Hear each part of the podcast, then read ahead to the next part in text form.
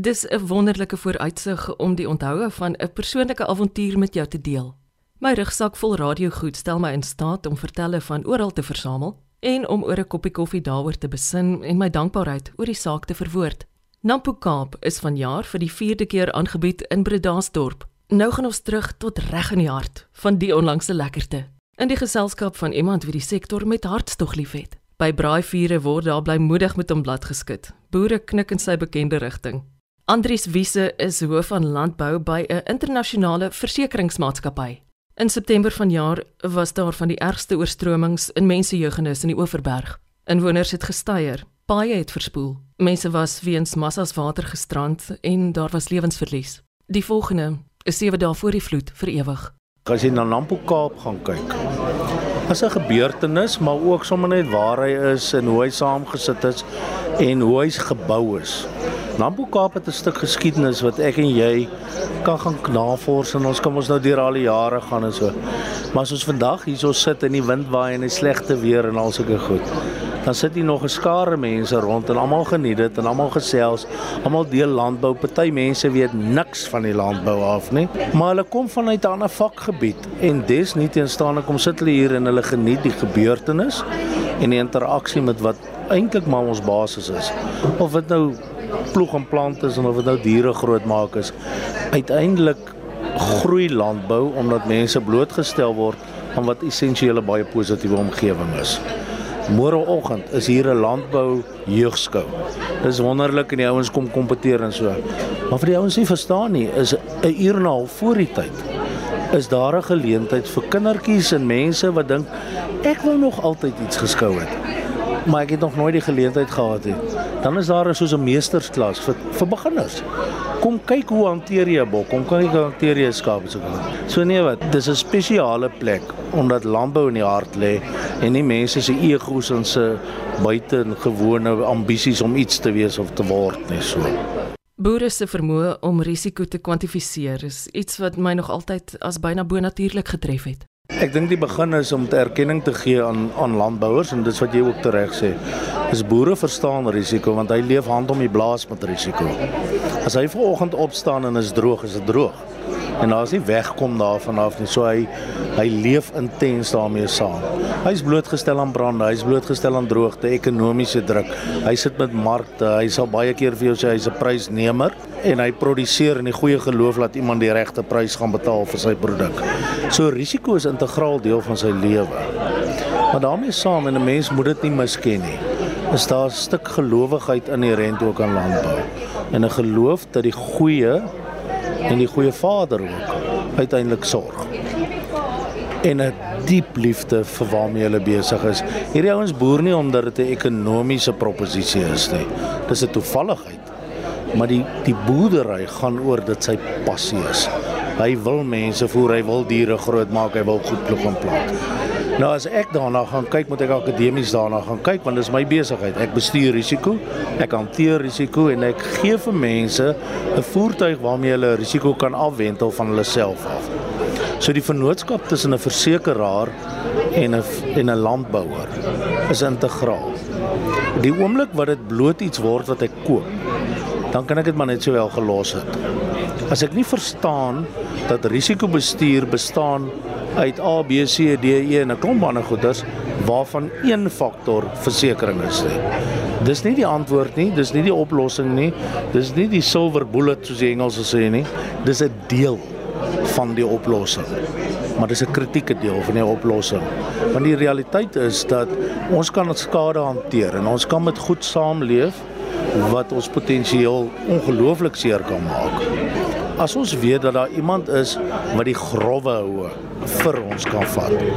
As my horlosie wegraak, kom nou 'n simpel voorbeeld te neem. Hier dan gaan koop ek 'n ander horlosie en dis dalk nou nie 'n nikkerige topreeks horlosie nie, maar hy gaan tyd hou en ek kan aangaan met my lewe. As my huis afbrand, as my plaas afbrand, as my trekkers wegraak, dan is die prentjie 'n bietjie anders want die kapitaale uitleg vir 'n landbouer is enorm.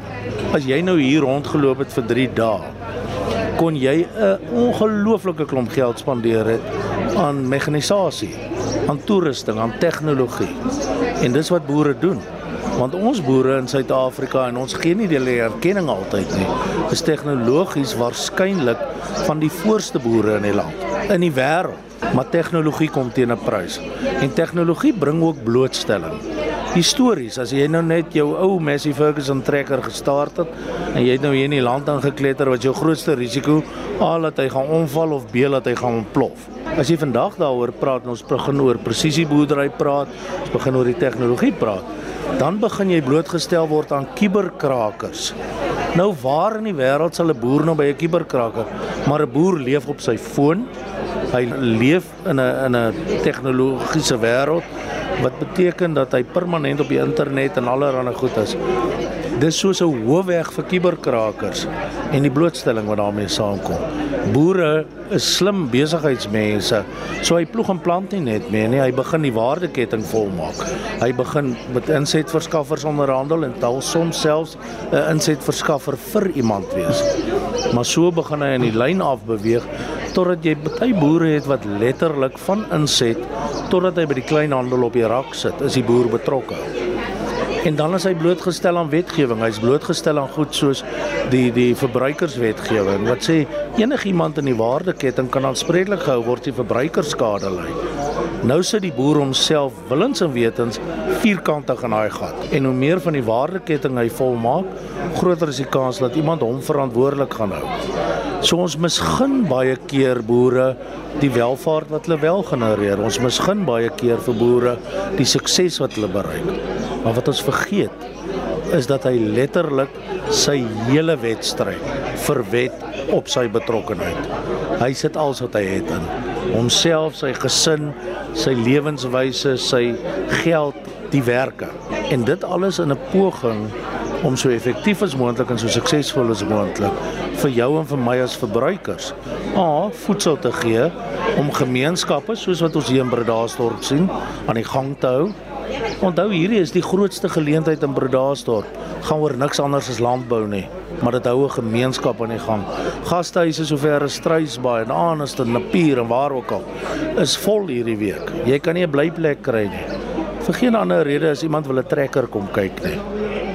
En ek dink nie ons gee nog genoeg erkenning daar nie, maar saam met dit is daar 'n stuk risiko. Nou groter die prentjie, hoe groter is die risiko. En dan begin vennootskappe en die saamspeel van finansiëerders, banke, finansiële instellings, insetverskaffers, landboumaatskappye, die klomp koöperasies om landboumaatskappye so aanstellerig geword, maar koöperasies nou maar versekeraars. Almal van ons speel 'n rol in hierdie groter prentjie. Boere te help om risiko te verminder, risiko te verskans en ook 'n afleggingsmeganisme sodat as die as die kalf in die put is, as daar dan iemand met 'n tou en 'n trekker om die kalf uit te haal. Die toegewydheid van ons boere om deel te neem aan 'n lewensverrigting veel groter as hulself is onwrikbaar. Ek dink nie is 'n geval van hoe neem ons verantwoordelikheid nie, maar miskien is dit belangriker om vanoggend te sê dit kan altyd beter, maar daar word reeds 'n ongelooflike klomp verantwoordelikheid geneem. Gisteraand sit ons op Agridwala op 'n 'n gewone Suid-Afrikaanse boer wat 'n verskil maak met 'n kinderhuis wat kinders leer, wat kinders huisves, wat vir kinders 'n toekoms skep. En daai kinders leer van landbou, hulle leer van gasvryheidsbedryf.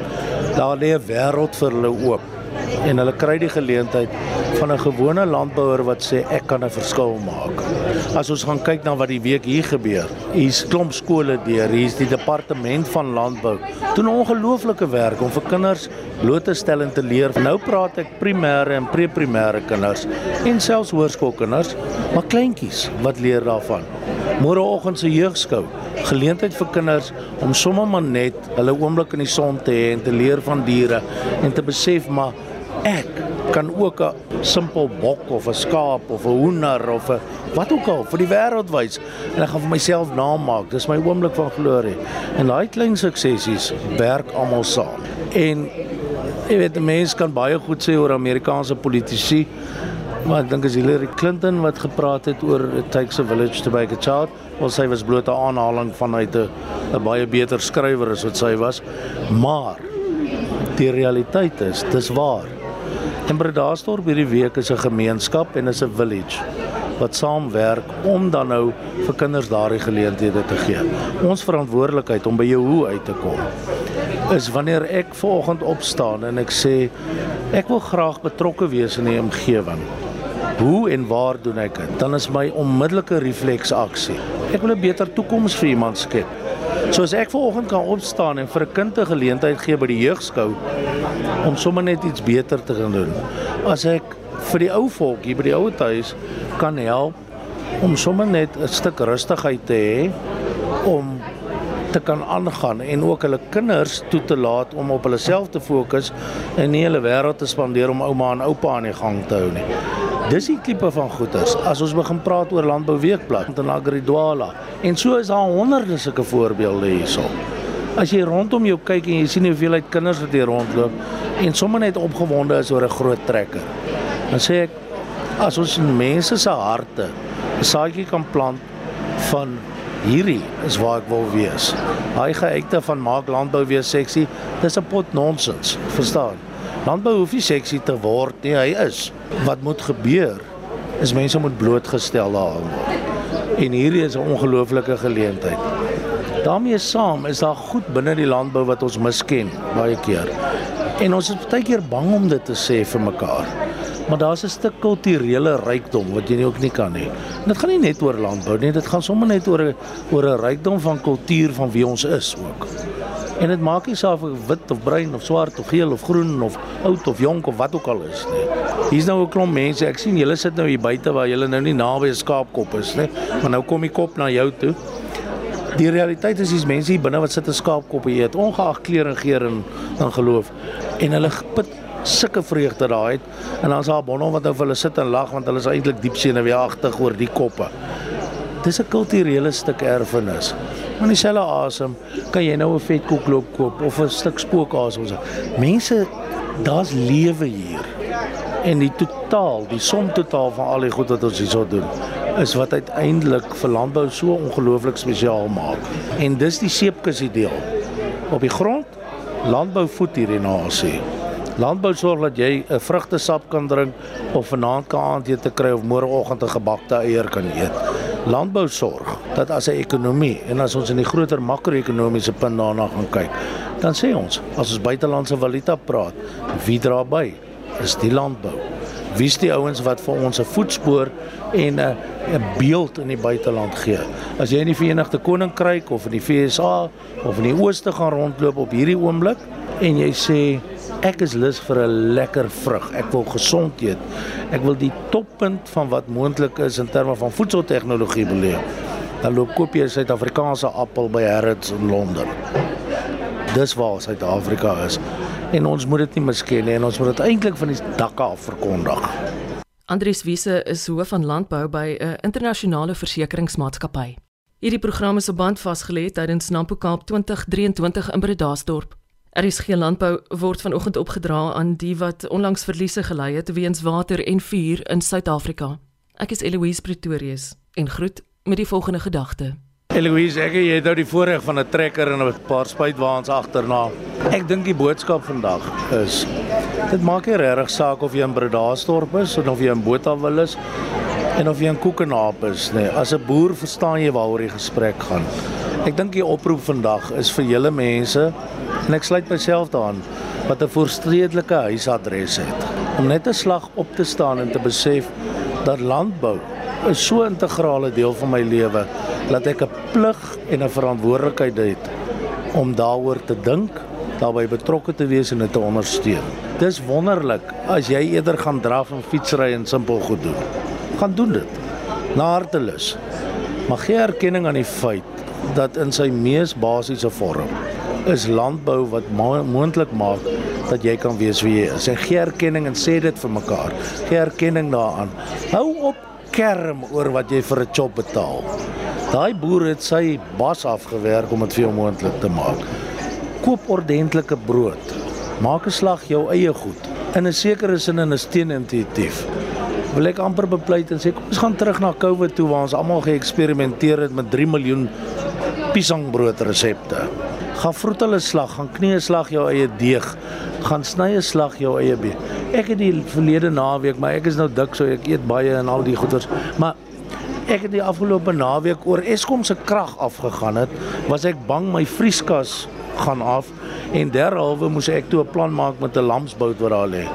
Toe het ek persoonlik hom gaan ontbeen en ek het hom op die vuur gebraai en my gesin dink ek behoort 'n meesterkok te wees. Dis uit noodgebore, maar dis 'n stuk gronding in die werklikheid en die wonderlikheid van deel wees van die landbou. Al het ek 'n straatadres in voorstedelike Pretoria.